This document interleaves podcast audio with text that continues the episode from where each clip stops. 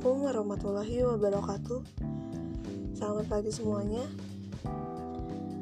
Rekan-rekan sekalian, di sini saya ingin menceritakan atau berbagi pemikiran tentang apa itu berpikir positif. Nah, tapi sebelumnya seperti ini. Negative thinking. Pasti kita lebih sering negative thinking kan daripada positive thinking. Kenapa? Karena negative thinking memang selalu terjadi ketika kita menghadapi kesulitan.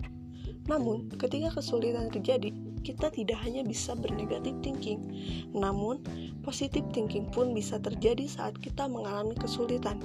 Bahkan, positive thinking mampu membuat kita keluar dari kesulitan karena kita akan mampu membayangkan kemudahan setelah adanya kesulitan. Bukankah kemudahan yang terasa setelah kesulitan akan membuat kita lebih bahagia? Kenapa? Karena kita akan bangga telah melewati kesulitan yang kita hadapi. Namun, untuk menuju kemudahan itu tentu kita harus positive thinking.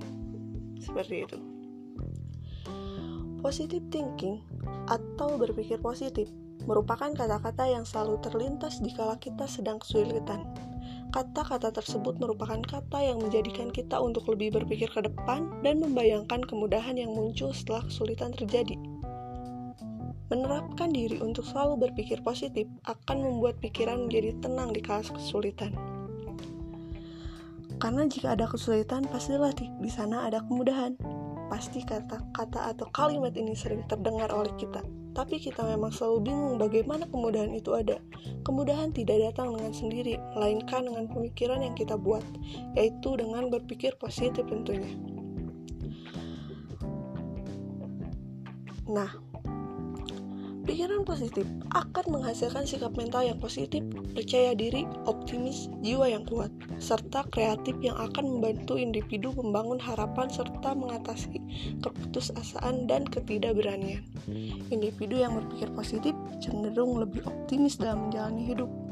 Nah, di sini ada sedikit strategi yang mungkin bisa kita mulai terapkan untuk mampu berpikir positif. Yang pertama, mulailah berpikir positif terhadap diri sendiri. Berpikir positif terhadap orang lain, itu yang kedua. Kemudian yang ketiga, berpikir positif terhadap waktu. Empat, jadilah tuan dari hati dan pikiran.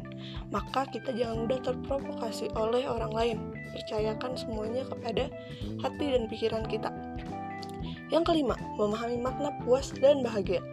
Nah, mungkin itulah beberapa strategi yang dapat kita terapkan untuk mulai berpikir positif. Dengan demikian, dapat disimpulkan bahwa orang-orang yang memiliki pikiran positif memiliki ciri-ciri yang bersikap positif pula.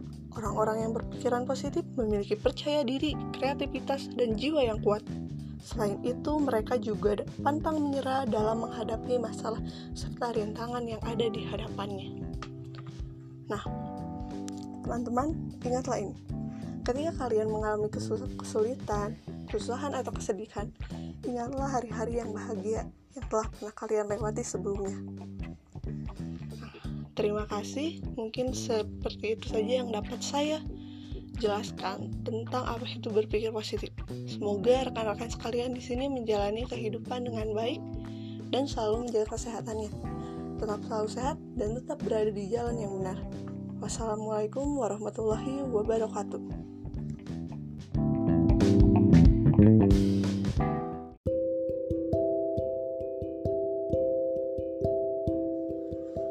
Assalamualaikum warahmatullahi wabarakatuh. Selamat sore. Perkenalkan nama saya Gigi Mulyani. Inovasi dalam pendidikan yang ingin saya ciptakan untuk saat ini dan yang terpikirkan oleh saya saat ini adalah membuat kurikulum untuk orang tua. Jadi orang tua ketika di rumah bisa membantu guru untuk mendidik anaknya namun bukan hanya tentang pelajaran, tapi tentang bagaimana si anak itu harus berkembang. Jadi, ketika di sekolah, mereka tetap belajar, namun di rumah mereka melakukan hal apa pun yang ada di rumah, namun orang tua tetap membimbing dengan acuan yang telah diberikan oleh guru. Seperti itu.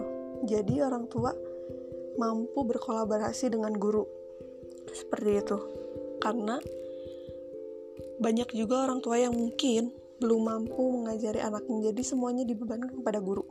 Namun dengan adanya kurikulum itu diharapkan dapat membantu orang tua untuk untuk mendidik atau mengajar anaknya ketika di rumah. Dan seperti itu.